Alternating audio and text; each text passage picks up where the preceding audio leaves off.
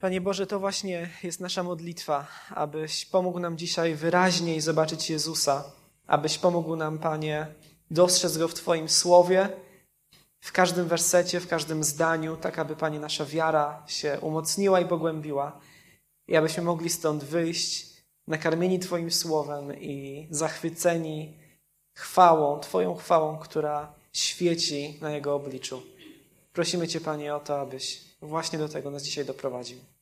Amen. Będziemy się dzisiaj przyglądać dwunastemu rozdziałowi e, Księgi Dzieł Apostolskich. Jesteśmy cały czas w cyklu, w którym przechodzimy przez tę księgę od początku do końca, fragment po fragmencie. I to, co e, widzimy ostatnio dość wyraźnie, to to, że w tej części księgi, w której teraz jesteśmy, e, przewijają się wątki Piotra i Pawła. E, pod koniec ósmego rozdziału na scenie pojawił się Saul z Tarsu, szerzej później znany jako apostoł Paweł. E, w dziewiątym rozdziale czytaliśmy o jego nawróceniu. I teraz z jednej strony Łukasz e, dokańcza ten etap historii pierwszego kościoła, w którym to dwunastu apostołów na czele z Piotrem odgrywa tę czołową rolę, czy przywódczą rolę, a z drugiej strony coraz pełniej wprowadza na scenę właśnie apostoła Pawła. E, więc jakiś czas temu widzieliśmy dłuższy fragment o Piotrze. Widzieliśmy, jak Piotr e, zaniósł Ewangelię po raz pierwszy w taki decydujący sposób do domu pogańskiego, do pogańskiej rodziny. Setnik Korneliusz zostaje chrześcijaninem. E, ostatnim razem, kiedy mm, patrzyliśmy na, na tę księgę, to mm, przyglądaliśmy się fragmentowi z 11 rozdziału, gdzie z kolei Paweł się pojawił. Najpierw Barnaba, później również Paweł. I ten dzisiejszy fragment to jest ostatni fragment, w którym Piotr odgrywa tę decydującą rolę. Potem pojawi się jeszcze tylko raz w 15 rozdziale, ale poza tym dzisiaj w tym rozdziale 12, który w całości omówimy, Piotr jest po raz ostatni tą pierwszą postacią historii opowiadanej przez Łukasza. Później już skupimy się na Pawle. Co tutaj widzimy? Zaczynamy od naszego tematu, tytułu, który brzmi Prześladowania, a Boża moc. I prześladowań w Księdze Dzieł Apostolskich było już dość sporo. E, widzieliśmy mm, uwięzienia, widzieliśmy chłosty, widzieliśmy w końcu śmierć Szczepana. Ale wszystkie te prześladowania tak naprawdę e, były wymierzone w Kościół przez władzę religijną, przez żydowskich przywódców religijnych, przez Sanhedryn, czyli Wysoką Radę zasiadającą w Jerozolimie. Natomiast tutaj, w tym rozdziale 12, po raz pierwszy prześladowania będą wymierzone przez króla, przez władzę świecką. I będą miały dość wyjątkowy charakter, co, co też za chwilę zobaczymy. E, jest to bardzo ciekawy rozdział, przynajmniej dla mnie. Dzieje się tutaj dużo takich nieoczywistych rzeczy, jest dużo nieoczekiwanych e, zwrotów akcji. W tym rozdziale umiera aż sześć osób, więc jest intensywnie, można powiedzieć. Z drugiej strony są też pewne elementy, które e, w starożytności by zostały uznane za ironiczne, jeśli nie komiczne po prostu. Ale przede wszystkim ten rozdział jest ważny, oczywiście dlatego, że jest to po prostu fragment Bożego Słowa. I wierzymy, że to Boże Słowo może pogłębić naszą wiarę, może nas przybliżyć do Chrystusa, może osiągnąć to, o co się modliliśmy, czy to w pieśni, czy też przed kazaniem. Więc przeczytamy cały ten rozdział, cały rozdział 12. Ale najpierw zaczniemy od, od wersetów 1 do 17. To jest pierwsza część poświęcona przede wszystkim Piotrowi, i potem jeszcze zostanie nam końcówka od 18 do 25 wersetu, gdzie się skupimy na Herodzie i na tym, co z nim się stało. Tak więc e, Dzieje Apostolskie, 12 rozdział, od pierwszego do 17 wersetu. W tym mniej więcej czasie król Herod podjął działania na szkodę pewnych członków kościoła. Jakuba, brata Jana, ściął mieczem. A gdy zobaczył, że to się podoba Żydom, posunął się dalej i schwytał również Piotra. Było to w czasie święta prześników. Po aresztowaniu osadził go w więzieniu i przekazał pod straż czterem czwórkom żołnierzy, zamierzając po święcie Paschy urządzić mu publiczny proces. Strzeżono więc Piotra w więzieniu. Kościół natomiast trwał w usilnych modlitwach za nim do Boga. W noc poprzedzającą zaplanowany przez Heroda proces, Piotr, skuty, między, skuty dwoma łańcuchami, spał pomiędzy dwoma żołnierzami. Ponadto strażnicy strzegli drzwi więzienia. Wtem stanął przy nim anioł Pana. W celi rozbłysło światło. Anioł trącił Piotra w bok, obudził go i powiedział: Wstawaj czym prędzej. Z rąk Piotra opadły łańcuchy. Przepasz się, usłyszał, i załóż sandały. Posłuchał. Zarzuć płaszcz, polecił anioł, i idź za mną. Wyszedł więc i ruszył za nim. Lecz nie sądził, że to, co się z nim za sprawą anioła dzieje, jest prawdą. Myślał raczej, że ogląda widzenie. Tymczasem minęli pierwszą straż, drugą. Doszli do żelaznej bramy prowadzącej do miasta, która im się sama otworzyła. Wyszli na zewnątrz, przeszli jedną ulicę i nagle anioł znikł. Gdy Piotr doszedł do siebie, stwierdził: Teraz wiem na pewno, że Pan posłał swego anioła, wyrwał mnie z ręki Heroda i uchronił przed tym wszystkim, na co czekał lud żydowski. Gdy to sobie uświadomił, udał się do domu Marii, matki Jana, którego nazywano Markiem, gdzie wiele osób zgromadziło się i modliło. Piotr zakołatał do bramy. Wtedy podeszła Rodę, służąca, i nadsłuchiwała. Gdy rozpoznała głos Piotra, z radości nie otworzyła bramy, ale pobiegła z powrotem, z wieścią, że Piotr stoi na zewnątrz. Oszalałaś, orzekli. Ona jednak upierała się, że jest tak, jak mówi. Wówczas stwierdzili, to jego anioł. Piotr jednak nie przestawał kołatać. Gdy więc otworzyli drzwi i zobaczyli go, nie posiadali się ze zdziwienia. On zaś dał im znak ręką, by ucichli i opowiedział, jak Pan wyprowadził go z więzienia. Powiadomcie o tym Jakuba oraz braci, zakończył.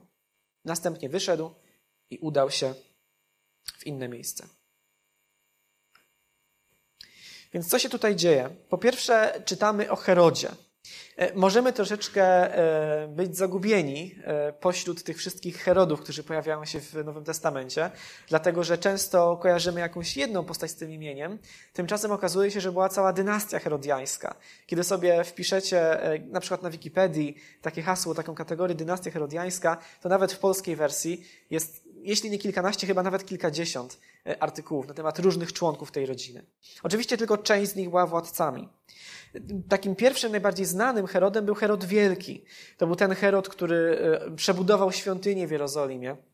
Między innymi z tego powodu stał się sławny, ale stał się sławny również z powodu swojego wielkiego okrucieństwa. I to właśnie Herod Wielki wydał rozkaz, aby pozabijać dzieci w Betlejem, chcąc uśmiercić małego Jezusa, który mógł być zagrożeniem e, dla jego władzy. Inny Herod, Herod Antypas, był tym, który stracił Jana Chrzciciela potem w Ewangeliach. E, przesłuchiwał też Jezusa tuż przed jego śmiercią, przed jego procesem. E, to był syn tego pierwszego Heroda, Heroda Wielkiego. Tymczasem, e, no, upraszczając, bratankiem tego drugiego Heroda jest ten trzeci Herod, ten, o którym czytamy w tym naszym dzisiejszym fragmencie. Herod Agryppa I. Herod Agryppa I dzięki znajomościom w Rzymie został królem całego Izraela. O ile w czasie, kiedy Jezus chodził po ziemi, cały ten obszar był podzielony między różnych zarządców, między innymi dlatego Judeą rządził Piłat, a nie któryś z Żydów, to kiedy ten Herod został władcą, udało mu się zdobyć władzę nad całym tym obszarem Izraela i to w dodatku został uczyniony przez Rzymian królem. Oczywiście panującym pod cesarzem, który sprawował tę władzę najwyższą. Więc z jednej strony e, ten Herod Agrypa miał dobre kontakty z Rzymem, ale z drugiej strony kreował się na takiego pobożnego żydowskiego władcę. Pewnie chciał uchodzić w oczach swoich rodaków za jednego z tych sprawiedliwych królów opisanych w Starym Testamencie. Choć widzimy też w historii, że nie zawsze był w tym konsekwentny. Wiemy o różnych jego czynach, wyborach, które nie do końca pasowały do tego wizerunku pobożnego żydowskiego władcy. No i szczególnie w tej naszej dzisiejszej historii widzimy, że ostatecznie zależało mu bardziej na własnej chwale niż na posłuszeństwie Bogu. Tymczasem w tym dwunastym rozdziale dziejów, jako pobożny żydowski król, Herod zaczyna prześladować chrześcijan. No to było dość naturalną rzeczą dla pobożnego żydowskiego władcy w tamtym czasie. E, chciał się też na pewno przypodobać e, Żydom, swoim poddanym, zdobyć jeszcze większe uznanie w ich oczach. Więc widzimy, że zaczyna prześladować chrześcijan i ścina Jakuba. Mówi o tym werset drugi. Ścina Jakuba.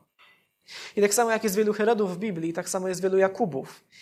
Ten Jakub, opisany tutaj, jak sam Łukasz nas informuje, to jest brat Jana. Innymi słowy, to jest syn Zebedeusza, czyli to jest jeden z tych czterech rybaków, którzy na samym początku Ewangelii zostają powołani przez Jezusa na brzegu Jeziora Galilejskiego. Jezus mówi do nich: Idźcie za mną, uczyni was rybakami ludzi.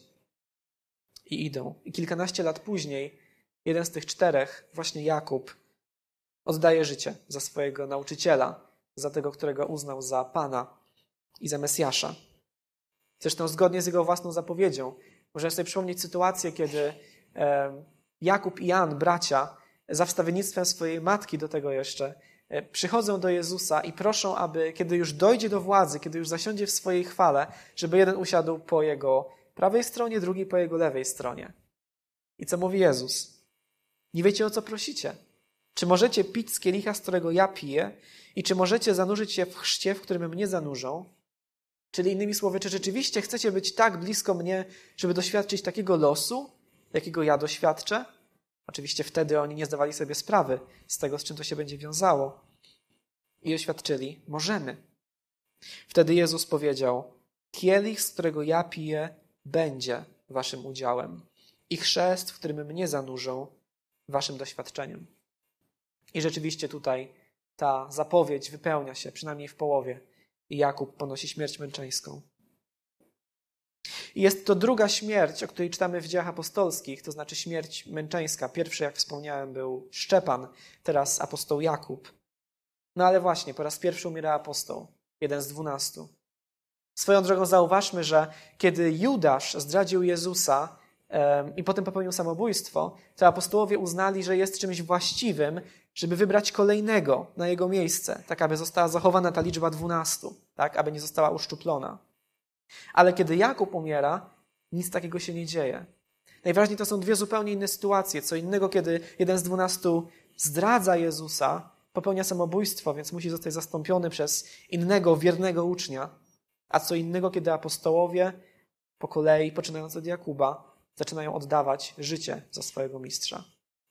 I nie zostają wybrani kolejni na ich miejsce, dlatego że nie było tak, że w kościele przez wszystkie wieki mieli być apostołowie, którzy będą tym kościołem kierować, ale że było to wyjątkowe grono uczniów, przywódców, dane kościołowi przez Chrystusa jako fundament, na którym potem cała budowla miała być wzniesiona. Więc Jakub ginie. I bardzo to musiał być smutny dzień dla kościoła w Jerozolimie. Tymczasem Herod widzi, że zyskał sobie śmiercią Jakuba uznanie Żydów, osiągnął to, co zamierzał. W związku z tym nie poprzestaje nad tym i wtrąca do więzienia Piotra. I czytamy, że Piotr jest pilnie strzeżony, aż 16 żołnierzy zostało oddelegowanych do, do więzienia, po to, aby strzec tego jednego więźnia. E, po czterech, to znaczy było tak, że co sześć godzin oni się zmieniali. Dwóch było do niego przykutych łańcuchami w celi, dwóch pozostałych strzegło drzwi. I zmieniali się co sześć godzin, przychodziła kolejna czwórka. Zdaje się, że rzeczywiście Herod uznaje Piotra jako jednego z głównych przywódców kościoła za bardzo, bardzo ważnego więźnia. Natomiast, żeby mieć pełniejszy obraz sytuacji, tego, co tutaj właściwie się dzieje, w jakiej, w jakiej sytuacji Piotr się znalazł, myślę, że musimy na kilka spraw zwrócić uwagę. Po pierwsze, ta historia, e, w której widzimy, że Piotr uwięziony zostaje uwolniony przez anioła, w pewnym sensie już się kiedyś wydarzyła. W piątym rozdziale czytaliśmy o tym, że apostołowie, nie wiemy dokładnie czy wszyscy, czy kilku, zostali uwięzieni przez Żydów i wtedy zostali uwolnieni właśnie przez anioła. I również pośród nich był Piotr. Ale sytuacja była troszeczkę inna. Wtedy to był sam początek prześladowań. Najgorsza rzecz, która ich spotkała, kiedy znowu zaczęli głosić Ewangelię i znowu zostali aresztowani po tym uwolnieniu, to była chłosta. Nikt wtedy nie spodziewał się śmierci za wiarę w Chrystusa albo za głoszenie Ewangelii. Tutaj sytuacja jest już o wiele poważniejsza. Po drugie, zwróćmy uwagę, że to jest krótko po śmierci Jakuba. Więc jeśli Herod aresztował Jakuba i go stracił, i teraz aresztował Piotra, no to Piotr, podobnie jak cały Kościół, może się spodziewać, jaki los go czeka. Po trzecie, Łukasz dodaje nam taki szczegół chronologiczny, że Piotr został aresztowany w okolicach święta Paschy, a było zupełnie naturalnym skojarzeniem dla chrześcijan, aby myśleć o Jezusie w tej sytuacji, który również został aresztowany w okolicy święta Paschy, właśnie po to, żeby zostać ukrzyżowany, żeby zostać stracony. No i w końcu sam Jezus, tak samo jak Jakubowi, tak samo i Piotrowi zapowiedział kiedyś, że ten poniesie śmierć męczeńską. W 21 rozdziale Ewangelii Jana Jezus już po swoim zmartwychwstaniu kieruje do Piotra takie słowa. Ręczę i zapewniam, gdy byłeś młodszy, sam się przepasywałeś i chodziłeś dokąd chciałeś. Lecz gdy się zestarzejesz, wyciągniesz swoje ręce, a kto inny cię przepasze i poprowadzi dokąd nie chcesz. W tych słowach Jezus chciał zaznaczyć, jaką śmiercią Piotr uwielbi Boga. Więc Piotr, zamknięty w więzieniu przez kilka dni, być może przez cały tydzień święta prześników, po prostu spodziewa się śmierci. Tutaj w wersecie czwartym jest powiedziane, że po święcie Paschy Herod chciał mu urządzić publiczny proces. Dosłownie w języku greckim tam jest powiedziane, że Herod chciał go wyprowadzić. I jest to takie słowo, które nie oznacza zawsze i wprost, ale sugeruje, że Herod chce go wyprowadzić po to, aby po prostu skazać go na śmierć. I Piotr jest świadom tego, w jak beznadziejnej sytuacji się znajduje. Ale z drugiej strony, zobaczcie, że on wcale nie sprawia wrażenia człowieka zrozpaczonego. Noc przed planowaną egzekucją Piotr śpi. Ma w sercu pokój. Nie boi się tych, którzy zabijają ciało, ale duszy zabić nie mogą. Wie, gdzie się znajdzie po śmierci, ale przede wszystkim wie, z kim się spotka. Z Jezusem, ze swoim ukochanym mistrzem, którego powołał pomimo jego grzeszności, którego włączył do najbliższego kręgu uczniów. I potem przebaczył Piotrowi, kiedy ten trzykrotnie się go zaparł. Okazał mu miłość i nawet więcej, powołał go do takiej szczególnej roli duszpasterza pozostałych uczniów. Piotr wie, kto go przeprowadzi na drugą stronę. I dlatego może spać spokojnie, nawet jeżeli następnego dnia czeka go śmierć. Ale widzimy też, że zgromadzony Kościół trwa w modlitwie za Piotra. O co się modlą ci wierzący zgromadzeni? Być może o ratunek dla Piotra. Być może o to, żeby okazał się wytrwały i wierny, e, aż do śmierci, żeby złożył świadectwo wiary w Jezusa przez swoją wytrwałość, takiej wiary, która jest mocniejsza niż śmierć. Na pewno się modlą o to, żeby tak czy inaczej, tak jak Jezus nauczył ich się modlić, nie ich wola, tylko Boża wola się stała. O co dokładnie się modlą, nie wiemy, ale do tej modlitwy jeszcze wrócimy. Ona potem w dalszej części fragmentu będzie ważna. I widzimy, że Bóg odpowiada na modlitwę. Widzimy, że ratuje Piotra z więzienia. Ale zwróćmy uwagę, że Bóg nie czyni tego od razu. Piotr jest w więzieniu kilka dni, może cały tydzień. I Kościół, możemy założyć chyba dość bezpiecznie, że Kościół od samego początku, przez wszystkie te dni, modli się za niego do Boga. Ale kiedy Bóg interweniuje? Na samym końcu. Noc przed egzekucją. I myślę, że widzimy w tym generalnie pewien model Bożego działania, który przewija się przez całą Biblię od początku do końca. Możemy sobie przypomnieć na przykład to, jak Izraelici wychodzili z Egiptu. W końcu po dziesięciu plagach udało im się wydostać na wolność. I mimo tego, że zostali wypuszczeni przez faraona, to faraon zmienia zdanie i puszcza się za nimi w pościg razem ze swoją armią. I Bóg mógłby oczywiście rozwiązać problem od razu, tak? Mógłby spuścić ogień z nieba na armię faraona, czy cokolwiek w tym rodzaju. Ale zamiast tego pozwala, żeby armia dogoniła Izraelitów w takim miejscu nad brzegiem Morza Czerwonego, że nie ma już ratunku, nie ma szans. Zostaną zgładzeni, wciągnięci z powrotem do niewoli, cokolwiek, ale stanie się coś naprawdę złego. I w tym właśnie momencie Bóg okazuje swoją moc. I w tym momencie sprawia, że rozstępują się wody Morza Czerwonego. I Izrael przechodzi suchą stopą na drugą stronę, a armia faraona zostaje zatopiona pod wodami.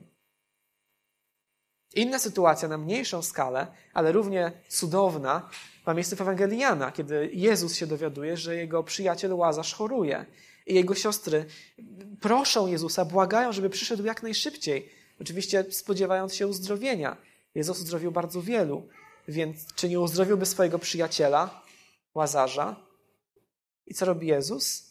zostaje jeszcze dwa dni w miejscu, w którym przebywał. I idzie do Betanii, gdzie mieszkał Łazarz i jego siostry, w takim momencie, żeby było już cztery dni po pogrzebie, kiedy Żydzi uważali, że już nie ma szans na wskrzeszenie, bo już dusza opuściła ciało dawno i zmarły już się zaczął rozkładać w gorącym klimacie. I wtedy Jezus przychodzi i nie uzdrowił go, ale teraz wzbudza go z martwych. I myślę, że dokładnie taki sam model Bożego działania możemy często dostrzec we własnym życiu. Że Bóg odpowiada na modlitwę nie od razu, nie wtedy, kiedy tylko coś nas zaboli, ale bardzo często na samym końcu. Wtedy, kiedy ten przejaw Jego mocy będzie najbardziej spektakularny i najmocniej nas nauczy, że Bóg potrafi nas wyrwać z każdej sytuacji, nawet najbardziej beznadziejnej. Więc to, że nie możesz się doczekać spełnienia swojej modlitwy, niekoniecznie oznacza, że wszystko jest stracone. To może oznaczać, że ten największy Boży cud czeka Ciebie na samym końcu tej ciemnej doliny. Tak jak to było tutaj w sytuacji Piotra. Więc co się dzieje w więzieniu? Pojawia się anioł Pana. I ten anioł Pana czytamy, że trąca Piotra w bok. Dosłownie tam jest powiedziane, że on uderzył Piotra. Więc musiało to być takie bardzo gwałtowne obudzenie. I jest to to samo słowo, którego potem Łukasz używa, kiedy mówi, że anioł uderzył Heroda. Ale do tego jeszcze przejdziemy. Więc uderza Piotra, żeby go uratować. Potem uderza Heroda, żeby. No właśnie, jeszcze zobaczymy. Kajdany opadają, strażnicy mimo tego najwyraźniej dalej śpią. Piotr jest oniemiały, anioł musi go szczegółowo instruować, co ma po kolei robić. Wstań, załóż sandały, zaciśnij swój pas, włóż na siebie płaszcz, idź dalej. I ciekaw jestem, na ile to wynika ze zdumienia Piotra całą sytuacją, na ile po prostu z tego, że jest obudzony w środku nocy. Ja też czasem podobnie reaguję, obudzony w środku nocy. Kompletnie nie wiem, co się ze mną dzieje. Tak czy inaczej, Anioł i Piotr wychodzą z więzienia, niezauważeni przez strażników dzięki boskiej interwencji. Przechodzą ulicę dalej, anioł znika. I wtedy dopiero Piotr zdaje sobie sprawę z tego, że to nie było widzenie, to nie była wizja, to nie było symboliczne przedstawienie tego, że po śmierci pójdzie do nieba, ale po prostu naprawdę został uwolniony z więzienia. Jest wolny. I Łukasz, jako mm, taki bardzo staranny kronikarz z tej kultury grecko-rzymskiej taką piękną, takie piękne zdanie wkłada w usta Piotra. Teraz wiem na pewno, że Pan posłał swego anioła, wyrwał mnie z ręki Heroda i uchronił przed wszystkim, na co czekał lud żydowski. Spodziewamy się, że pewnie jest to w pewnym stopniu taka literacka kompozycja tego zdania. Pewnie Piotr, kiedy do niego doszło, co się wydarzyło, bardziej tak ekstatycznie, energicznie zareagował. Ale oczywiście jest to pewna kompozycja literacka tak żeby mm, dzieje apostolskie jako księga spełniały też pewne kryteria dobrej literatury w świecie grecko-rzymskim. I oczywiście tego rodzaju sytuacje, takie bezpośrednie i, i, i widzialne interwencje aniołów, należą do rzadkości, zarówno w Biblii, jak i wokół nas. być może żaden z nas nie doświadczył nigdy tego rodzaju spektakularnej anielskiej interwencji. Ale mimo to pozostaje prawdą, że jeżeli wierzysz w Chrystusa, jeżeli doświadczyłeś Bożej łaski, która dała ci nowe życie i, i sprawiła, że stałeś się Bożym dzieckiem, to prawdą jest, że w Twoim życiu w sposób najczęściej niedostrzegalny, ale tak samo rzeczywisty, działają posyłani przez Boga aniołowie. I jest bardzo wiele fragmentów, które o tym mówią. I już w Starym Testamencie Bóg składa liczne obietnice, które tego właśnie dotyczą. Na przykład Psalm 91 mówi: On swym aniołom wyda polecenie, aby cię strzegli na wszystkich twoich drogach.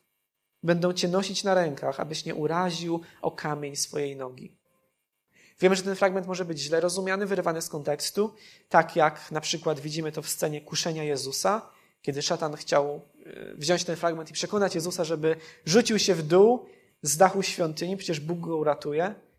Tak samo w dość dziwaczny sposób był wykorzystywany ten psalm na początku e, tego, tej dziwnej pandemicznej sytuacji, w której jesteśmy rok temu, ale to jest oddzielny temat. Jeżeli przeczytacie sobie ten psalm w całości, to przypomnijcie sobie, o co tam dokładnie chodzi. Tak czy inaczej, faktem pozostaje, że te obietnice są dane przez Boga. Aniołowie rzeczywiście mają nas strzec. na wszystkich naszych drogach. Potem Psalm 34. Anioł Pana otacza kordonem tych, w których jest bojaźń przed Nim i ratuje ich.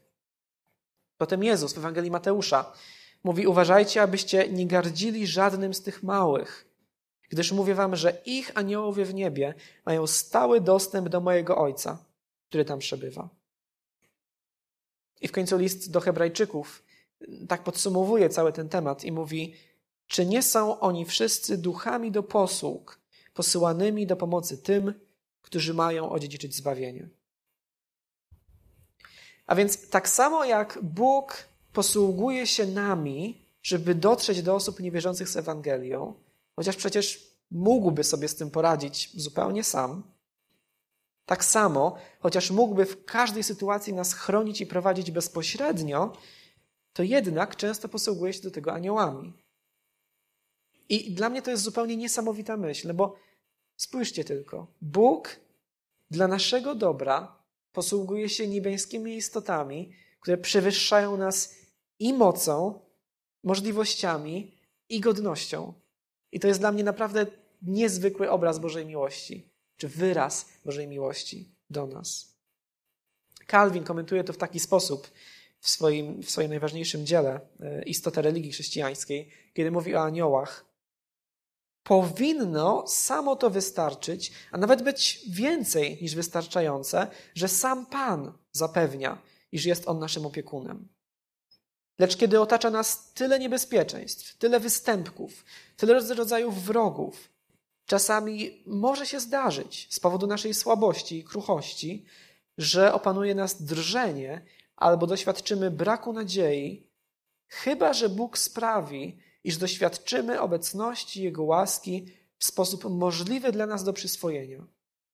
Z tego powodu obiecał, że będzie się o nas troszczył nie tylko On sam, ale że ma też niezliczonych gwardzistów, którym polecił strzec naszego zbawienia. I tego właśnie w szczególny sposób doświadcza Piotr w tym naszym fragmencie. I dalej widzimy, że ten uwolniony Piotr w pierwszej kolejności idzie uspokoić wierzących, którzy się o niego modlili. I idzie do domu Marii. Maria to jest popularne imię, chyba nawet najpopularniejsze w, w tamtym czasie w Palestynie, więc jest tutaj opisana, kojarzona jako matka Jana Marka. Ten Jan Marek to jest kuzyn Barnaby. O Barnabie czytaliśmy w poprzednim fragmencie. E, potem staje się towarzyszem podróży Pawła, później również Piotra. E, I co więcej, jako towarzysz Piotra, Marek pisze Ewangelię. Ewangelię Marka. Właśnie tę, którą mamy w Nowym Testamencie. Nosi dwa imiona. Jan jest imieniem hebrajskim, żydowskim, Marek, czy Markus imieniem rzymskim. To było dość częste, żeby ludzie nosili wtedy właśnie takie podwójne imię. Innym przykładem, bardzo znanym, jest Saul Paweł. Saul, imię hebrajskie, Paweł, Paulus, imię rzymskie. I dokładnie tak samo dzieje się tutaj z Janem Markiem. Jego matka, Maria, najwyraźniej jest bogata, być może jest wdową, skoro nigdzie jej mąż nie jest wymieniony, zawsze jest to po prostu sama Maria. Jej dom służy jako miejsce zgromadzeń. najwyraźniej jest na tyle duży, żeby, żeby móc służyć za miejsce zgromadzeń kościoła. Niektórzy tak domyślają się, że może to być ten sam dom z piętrem, na którym uczniowie byli zgromadzeni w dniu pięćdziesiątnicy, kiedy zstąpił na nich Duch Święty, a może nawet jest to ten sam dom z piętrem, w którym Jezus spożył ostatnią wieczerzę z uczniami. Ale są to koniec końców domysły. W każdym razie teraz uczniowie tam zgromadzeni się modlą. Więc Piotr podchodzi do bramy i kołacze. I podchodzi sprawdzić to, kto puka do drzwi w środku nocy, służąca Rodę. Zgodnie ze zwyczajem to niewolnica czy służąca sprawdzała w bogatych domach, kto puka do drzwi. Rodę e, znaczy po grecku róża, inni tłumaczą jako różyczka albo pączek róży. Tak czy inaczej, jest to młoda dziewczyna, młoda służąca, która mm, nasłuchuje, kto stoi za bramą. I tutaj myślę, że najwyraźniej jest widoczny ten, ten ironiczny, ironiczno-komiczny element w całej historii. Rodę tak się cieszy, kiedy słyszy głos Piotra, że zamiast mu otworzyć, biegnie z powrotem do środka, żeby wszystkim oznajmić, że stoi Piotr. Piotr stoi na zewnątrz i czeka. Grozi mu niebezpieczeństwo, pewnie straże będą go szukać. Pewnie jest też mu dość zimno. No, po coś potrzebował płaszcza, dlatego anioł kazał mu się ubrać. Tymczasem oni w środku zaczynają dyskutować, czy to jest Piotr, czy to Piotr nie jest. No i z początku mówią, niemożliwe. Oszalałaś. Nie ma szans, żeby to Piotr stał u drzwi. I sposób, w jaki Łukasz to opisuje, patrząc na grecką gramatykę, sugeruje, że to trwało jakiś dłuższy czas, ta wymiana zdań. Tymczasem Piotr puka dalej. No i w końcu mu otwierają. I nie mogą się posiadać ze zdziwienia. E, jedna uwaga na marginesie, jeszcze wracając na krótką chwilę do tematu aniołów. E, tutaj ich wyjaśnienie, ich interpretacja całego wydarzenia jest taka, że to nie Piotr, to jego anioł. E, I zdaje się, szczególnie to jest widoczne w późniejszych źródłach żydowskich, ale najwyraźniej już wtedy było takie przekonanie, że każdy człowiek, przynajmniej każdy Żyd, każdy człowiek wierzący, ma swojego przydzielonego przez anioła, przydzielonego przez Boga anioła stróża. I co więcej, było też przekonanie, że ten anioł stróż może przybierać postać bardzo podobną do postaci tego, komu jest przypisany. Stąd anioł przypisany Piotrowi wyglądałby tak jak Piotr, czy mógłby tak wyglądać. Czy ten fragment naucza tego, że istnieją aniołowie stróże? Ciężko powiedzieć. Z jednej strony to przekonanie, że taki anioł miałby wyglądać tak samo jak osoba, której jest przypisany, brzmi dość podejrzanie i nie bardzo ma y, jakieś, y, jakieś uzasadnienie w całej Biblii. E, po drugie, no widzimy też, że jest to jakieś przekonanie, które wyrażają po prostu zgromadzeni tam, zgromadzeni tam chrześcijanie. Nie jest to część nauki apostołów. Po prostu oni w coś takiego wierzyli jako Żydzi. E, I niekoniecznie jest to podane nam do wiary, jako, jako jakiś fakt na temat świata duchowego.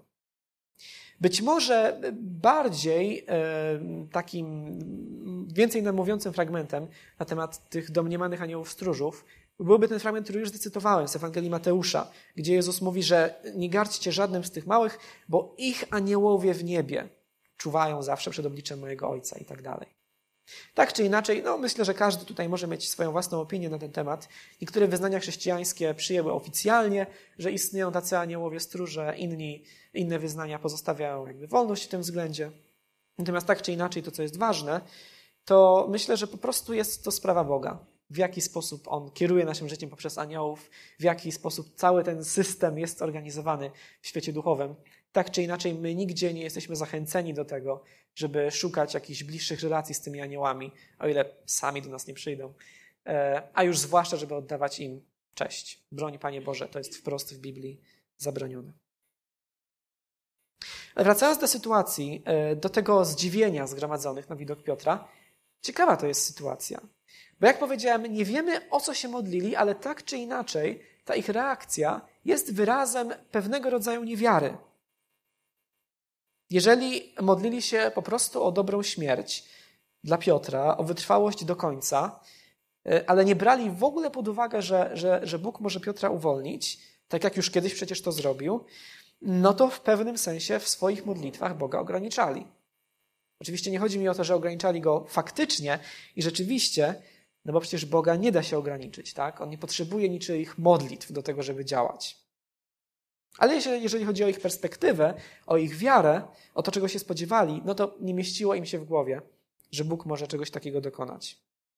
Natomiast jeżeli wprost modlili się o to, żeby Bóg Piotra uwolnił, no to sytuacja jest wprost komiczna. Dokładnie wtedy, kiedy się o to modlą, Piotr przychodzi do drzwi, a oni nie są w stanie uwierzyć, że to naprawdę się stało. I w tym kontekście przypomina mi się pewna historia, nie pamiętam jej źródła, więc e, nie jestem pewien, czy jest prawdziwa. Ale historia mówi o pewnym amerykańskim miasteczku, gdzieś w głębokim południu. W miasteczku e, tym został zbudowany bar. I pewnej grupie mieszkańców, e, członków lokalnego kościoła, bardzo się to nie spodobało. Byli pobożnymi ludźmi, uważali, że tego rodzaju miejsce w ich mieście będzie sprzyjało rozwojowi pijaństwa, szeroko rozumianej niemoralności, więc organizowali trwające całą noc spotkanie modlitewne. No i modlili się, żeby Bóg jakoś zainterweniował. I tak się jakoś złożyło, że kilka dni później w ten budynek baru strzelił piorun i bar doszczętnie spłonął. Więc właściciel baru pozwał członków kościoła do sądu, argumentując, że przyczynili się przecież do upadku interesu. Tymczasem wierni wynajęli prawnika, żeby bronił ich, że broń Panie Boże, oni z tym nie mieli nic wspólnego. No i kiedy sędzia zapoznał się z całą sprawą, stwierdził, niezależnie od tego, jak to wszystko się skończy, jedno jest pewne. Mam przed sobą chrześcijan, którzy nie wierzą w moc modlitwy i właściciela baru, który wierzy w nią całym sercem. No i rzeczywiście z podobną sytuacją mamy do czynienia w tym naszym, naszym fragmencie. Ale myślę, że, że zarówno ten fragment, jak i ta przytoczona przeze mnie historia, prawdziwa czy nie, powinny nas skłonić, żebyśmy zadali sobie pytania, jaka jest treść naszych modlitw. Czy w ogóle regularnie się modlimy? Może od tego należałoby zacząć. Ale jeżeli tak, to o co się modlimy? I czy wierzymy w to, że Bóg rzeczywiście może te modlitwy spełnić, jeżeli są zgodne z Jego słowem? Na przykład takim praktycznym sprawdzianem tego tematu może być zastanowienie się, gdyby Bóg spełnił wszystkie Twoje modlitwy z ostatniego tygodnia, to co by się zmieniło w Twoim życiu, wokół Ciebie, na świecie? Ile ludzi by się nawróciło? Albo ilu synów i córek marnotrawnych by wróciło do kościoła? Ile małżeństw by zostało uratowanych? Ile chorych by zostało uzdrowionych? A może gdyby Bóg miał wysłuchać wszystkich Twoich modlitw z ostatniego tygodnia, no to w sumie niewiele by się zmieniło. Może by Ci przeszedł ból głowy, albo byś znalazł miejsce na parkingu. Ale nic poza tym, no bo po prostu nie modlisz się o więcej. I wiecie, tutaj nie ma żadnej reguły, tak? Widzimy, że kiedy Jakub zostaje uwięziony, to zostaje stracony, a jestem przekonany, że Kościół już wtedy modlił się dla niego o ratunek. Ale nie został uwolniony, został ścięty. Bóg nie jest jak automat, że wrzucasz modlitwę i dostajesz z powrotem odpowiedź. Czasami nasza modlitwa zostaje spełniona, czasami nie. Od czego to zależy, to już jest głębszy temat. Ale może akurat Twojego życia albo sytuacji, w której jesteś, dotyczą słowa Jakuba, innego Jakuba, który potem się pojawi w 17 wersecie. Nie macie, bo nie prosicie. Więc o co się modlisz? I czy wierzysz, że Bóg może odpowiedzieć? Tymczasem wracając do Piotra, widzimy, że Piotr ucisza zgromadzonych, opowiada, jak został przez Boga uratowany z więzienia. No i y, potem prosi, żeby przekazać wszystko Jakubowi i braciom. I niektórzy bibliści, w tym Piotr Zaręba na przykład, w, w komentarzu, w przykładzie dosłownym, e, spekulują, że mogły w tym czasie istnieć w Jerozolimie e, dwa zbory równolegle działające, dwie wspólnoty chrześcijańskie. Jedna pod przywództwem Piotra, spotykająca się w domu Marii, matki Jana Marka, a druga wspólnota pod przywództwem Jakuba, e, brata Jezusa, który początkowo w niego nie wierzył, ale później nawrócił się. Widzimy, że jego autorytet stopniowo rósł wśród chrześcijan i później, kiedy apostołowie opuścili już Jerozolimę, no to on się wysunął na tę pozycję prowadzącą.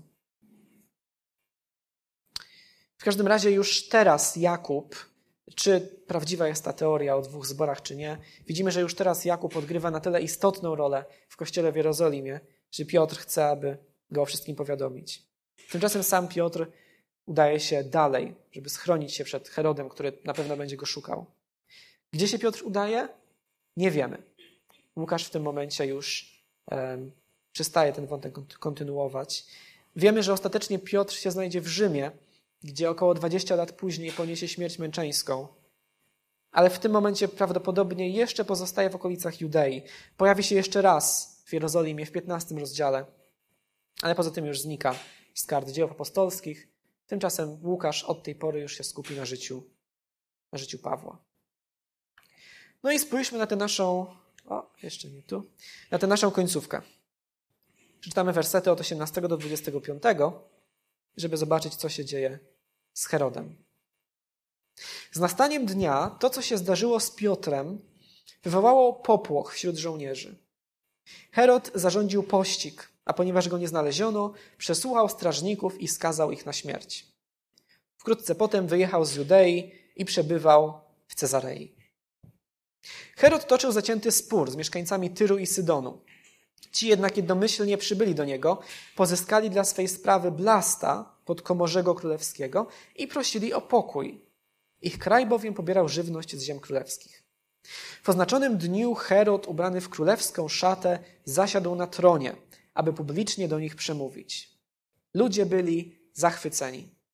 To głos Boga, nie człowieka, wołali. W tym momencie anioł Pana uderzył Heroda. Nie oddał on bowiem chwały Bogu. Wkrótce potem, stoczony przez robactwo, Herod zmarł. A słowo Boga rozszerzało się i pomnażało. Barnaba zaś i Saul po spełnieniu posłannictwa wrócili z Jerozolimy, zabierając przy tym ze sobą Jana, zwanego Markiem. Więc widzimy, że e, wśród żołnierzy e, jest wywołany popłoch przez to, co się stało z, z Piotrem. E, jest wielkie zamieszanie, jest organizowany pościg. Za, za apostołem są przesłuchania, w końcu są egzekucje. W prawie rzymskim, które co prawda Heroda tak w 100% nie obowiązywało, ale było naturalne dość, że będzie je stosował. W prawie rzymskim kara za wypuszczenie więźnia skazanego za śmierć no, też po prostu wiązała się ze śmiercią, z egzekucją. I dalej czytamy o tym, że ma miejsce jakiś spór polityczny. Łukasz opisuje świecką historię, żeby dać kontekst śmierci Heroda. Czytamy o konflikcie, który miał miejsce, o tym, że e, Herod e, wystąpił w jakimś szczególnym dniu, e, zaczął przemawiać do zgromadzonych. Nie będę się w te szczegóły zagłębiał. W każdym razie to, co jest ważne, to to, że jego słuchacze mieli polityczny interes, żeby się jemu przypodobać, żeby mu schlebiać i, będąc poganami, posuwają się tak daleko, żeby nazwać go Bogiem, a nie człowiekiem. I czytamy, że w tym właśnie momencie Herod zostaje uderzony, porażony przez anioła Pana. E, potem toczy go robactwo i umiera, więc naprawdę paskudna, paskudna śmierć. Co ciekawe, tę śmierć Heroda e, Agrypy I opisuje też bardzo ważne źródło z I wieku, źródło historyczne. E, Józef Flawiusz w księdze Dawne dzieje Izraela gdzie troszeczkę w większych szczegółach mówi, co się wydarzyło. Upłynęły już trzy lata jego panowania nad całą Judeą, gdy udał się do miasta Cezarei. Tutaj urządził widowiska na cześć Cezara, wiedząc, że były one ustanowione jako uroczystość obchodzona za jego pomyślność. Z tej okazji ściągnęli tu w wielkiej liczbie urzędnicy i zacniejsi ludzie z całej prowincji. W drugim dniu widowisk, odziany w szatę, która była całkowicie utkana z niezwykłym kunsztem ze srebra, przybył o świcie do teatru. Wtedy w promieniach wschodzącego słońca srebro przedziwnie jaśniało, wydając blask, który budził u patrzących na nie uczucia bojaźni, zmieszane z nabożnym szacunkiem. Zaraz więc pochlebcy ze wszystkich stron zaczęli wznosić okrzyki, które jemu samemu miały nie wyjść na dobre, nazywając go Bogiem. Bądź nam miłościwy, wołali, i choć dotychczas baliśmy się Ciebie jako człowieka, to odtąd uważamy Cię za istotę wyższą od śmiertelników. Król nie zganił ich, ani nie odrzucił ich bezbożnego pochlebstwa. Nagle uczuł boleści w brzuchu, które od razu wystąpiły z wielką gwałtownością od samego początku. Dręczył go coraz bardziej wzmagający się ból. Czym prędzej zaniesiono go do pałacu, a po całym mieście rozeszła się pogłoska, że już w ogóle walczy ze śmiercią. Wreszcie, wyczerpany nieustannymi, trwającymi już pięć dni bólami brzucha, zszedł ze świata. I tak oto kończy król, który chciał uchodzić za pobożnego, ale w rzeczywistości najbardziej mu zależało na własnej chwale, do tego stopnia, że nie odrzucił boskiej czci, którą mu oddali poganie. Więc to wydarzenie, można powiedzieć, było taką zgniłą wisienką na spleśniałym torcie całego jego życia. Za to, że walczył z Bogiem, prześladując Kościół, samemu zajmując jego miejsce, został przez niego ukarany. I tak jak anioł uderzył Piotra, żeby go uwolnić, tak samo Heroda uderzył, żeby zadać mu śmierć. I widzimy w ogóle w, w, całej Biblii, że Bóg wielokrotnie w historii Izraela e, upokarzał pysznych władców, szczególnie takich, którzy przypisywali sobie boską chwałę. Kiedyś poświęciliśmy temu całe kazanie, gorzkie owoce pychy. Można je znaleźć też na przykład na YouTubie.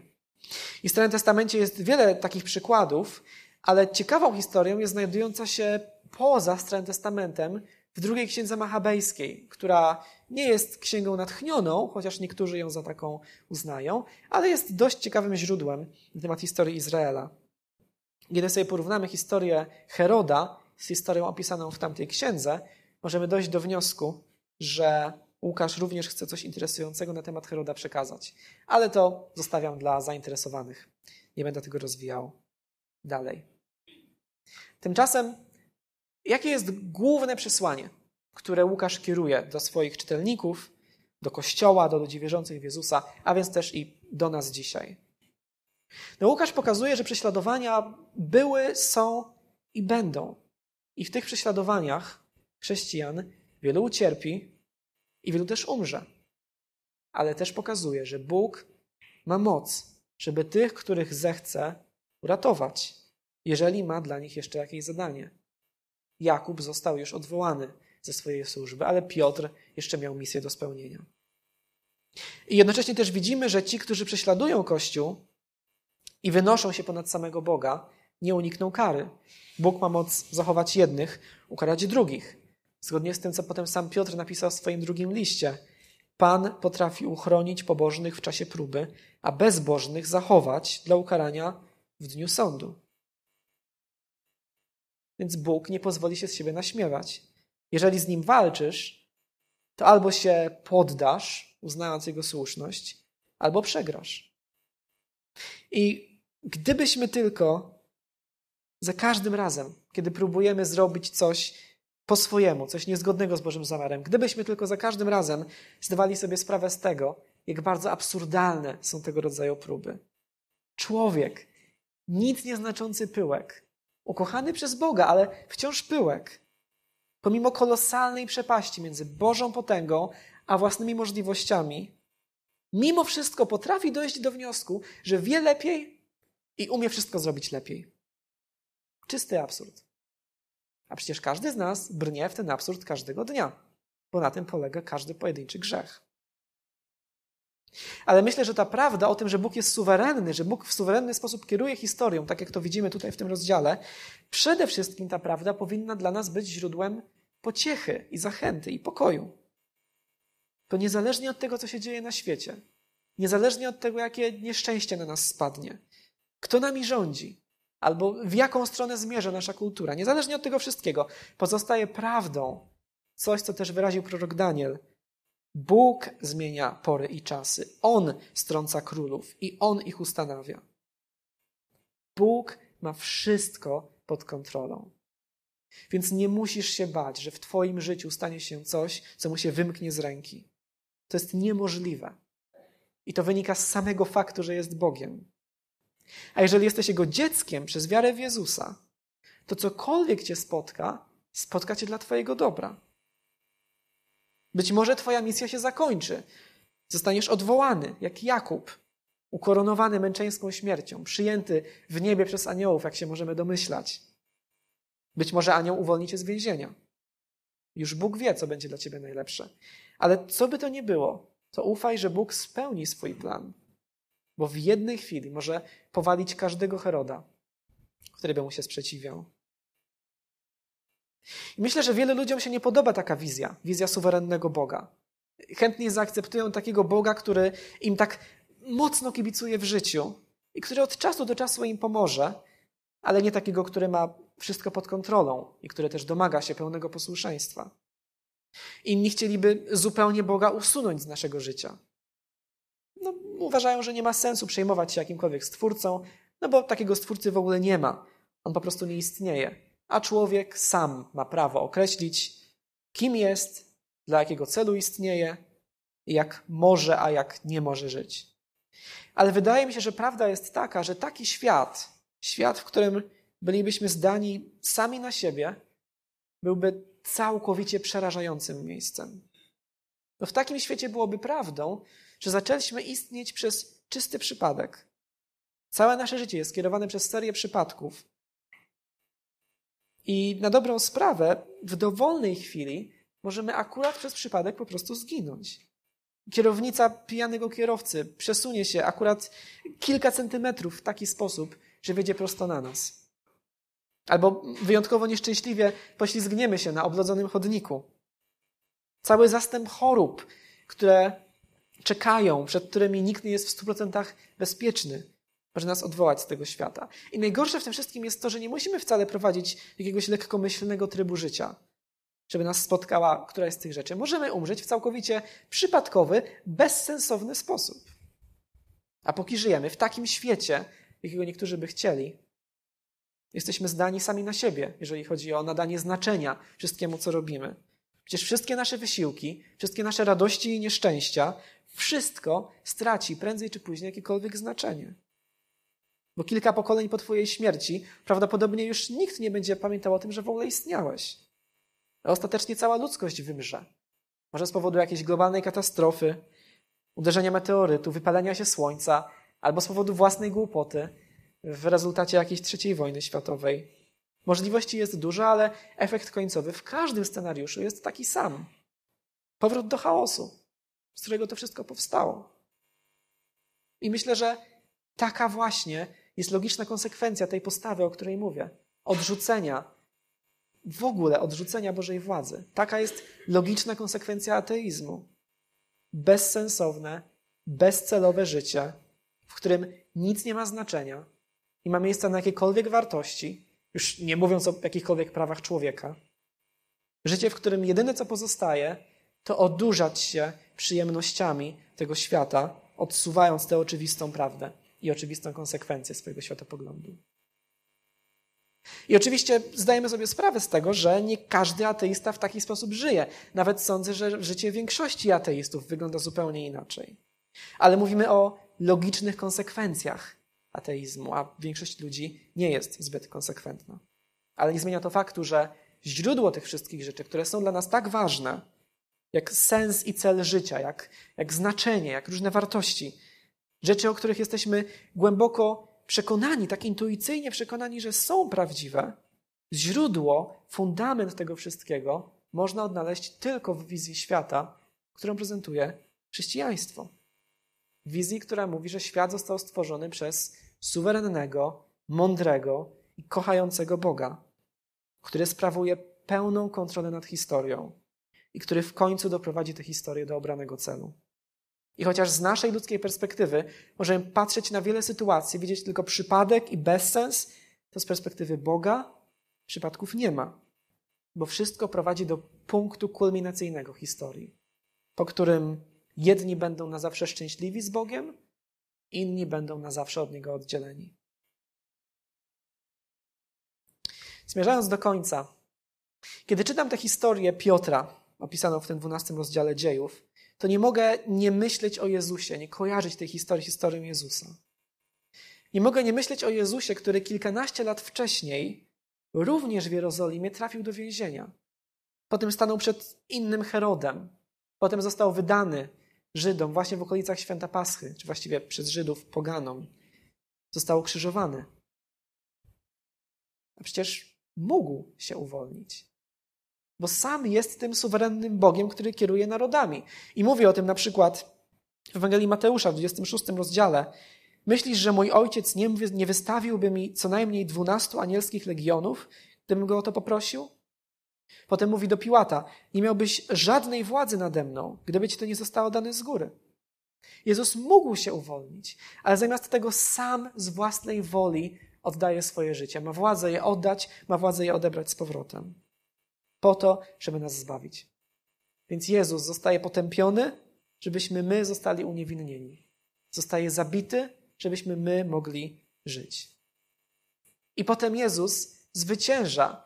Anioł odwala wejście do grobu, po to, żeby potem wpuścić świadków Jego zmartwychwstania do środka. I pierwszymi, którzy się o tym dowiadują, o tym cudownym zbożym zwycięstwie, są kobiety, tak samo jak tutaj służąca. I kobiety przychodzą do uczniów i mówią: Jezus zmartwychwstał. A oni mówią: Oszalałaś, niemożliwe. Nie może być. A potem Jezus do nich przychodzi, tak jak Piotr przyszedł do uczniów. I w końcu zapanowuje chaos wśród tych, którzy chcieli go powstrzymać, ale im się nie udało. Więc to wszystko, co w skali mikro widzimy tutaj w kontekście historii Piotra, to w skali makro, w stopniu absolutnym, dotyczyło Chrystusa, który mógł się uwolnić, ale tego nie zrobił. Umarł za nas i dla nas zmartwychwstał. I dlatego, jeżeli ciążą ci kajdany grzechu, to możesz zwrócić się do Jezusa i On jednym dotknięciem może cię uwolnić. I to właśnie celebrujemy w Wieczerzy Pańskiej, którą dzisiaj, dzisiaj obchodzimy. Dlatego, że Bóg w swoim Słowie nam mówi, że wszyscy się urodziliśmy jako grzesznicy. Od samego początku oddzieleni od Boga, zbuntowani przeciwko Niemu, przeciwko temu, który nas stworzył. Jeden z proroków mówi o tym, że jego grzechy były tym, co oddzieliły, co, co, co wykopało przepaść między Bogiem a nami. I, I sami w sobie nie mogliśmy mieć ani prawa, ani w ogóle nadziei na to, żeby się do Niego jakkolwiek zbliżyć. I jedyne, co nas oczekiwało, to był sąd. Ale Bóg, pełen miłości, pełen łaski, sam do nas wyciągnął rękę i posłał swojego Syna dla nas, Jezusa Chrystusa, który stał się człowiekiem, wziął na siebie naszą winę i Jego ciało zostało umęczone po to, żebyśmy my mogli otrzymać nowe życie. I Jego krew została przelana, żeby nas obmyć z grzechu. I dlatego On teraz wzywa, tak jak mówi Biblia, wszędzie wszystkich ludzi, żeby się nawrócili, żeby żałowali za swoje grzechy, żeby uwierzyli w to, co dla nich zrobił, żeby oddali Mu swoje życie. I tych z nas, którzy dzięki Bożej łasce podjęli taką decyzję, spotyka największy możliwy zaszczyt i największa radość, bo okazuje się, że nas, dawnych buntowników, Bóg zaprasza do swojego stołu. Więc spożywamy chleb i wino, będące symbolami Jego ciała i krwi, i na nowo przeżywamy, przypominamy sobie to, co On dla nas uczynił. A jednocześnie, spożywając tę wieczerzę, też patrzymy z nadzieją w przyszłość, kiedy pewnego dnia razem z Nim zasiądziemy do wielkiej, wielkiej uczty.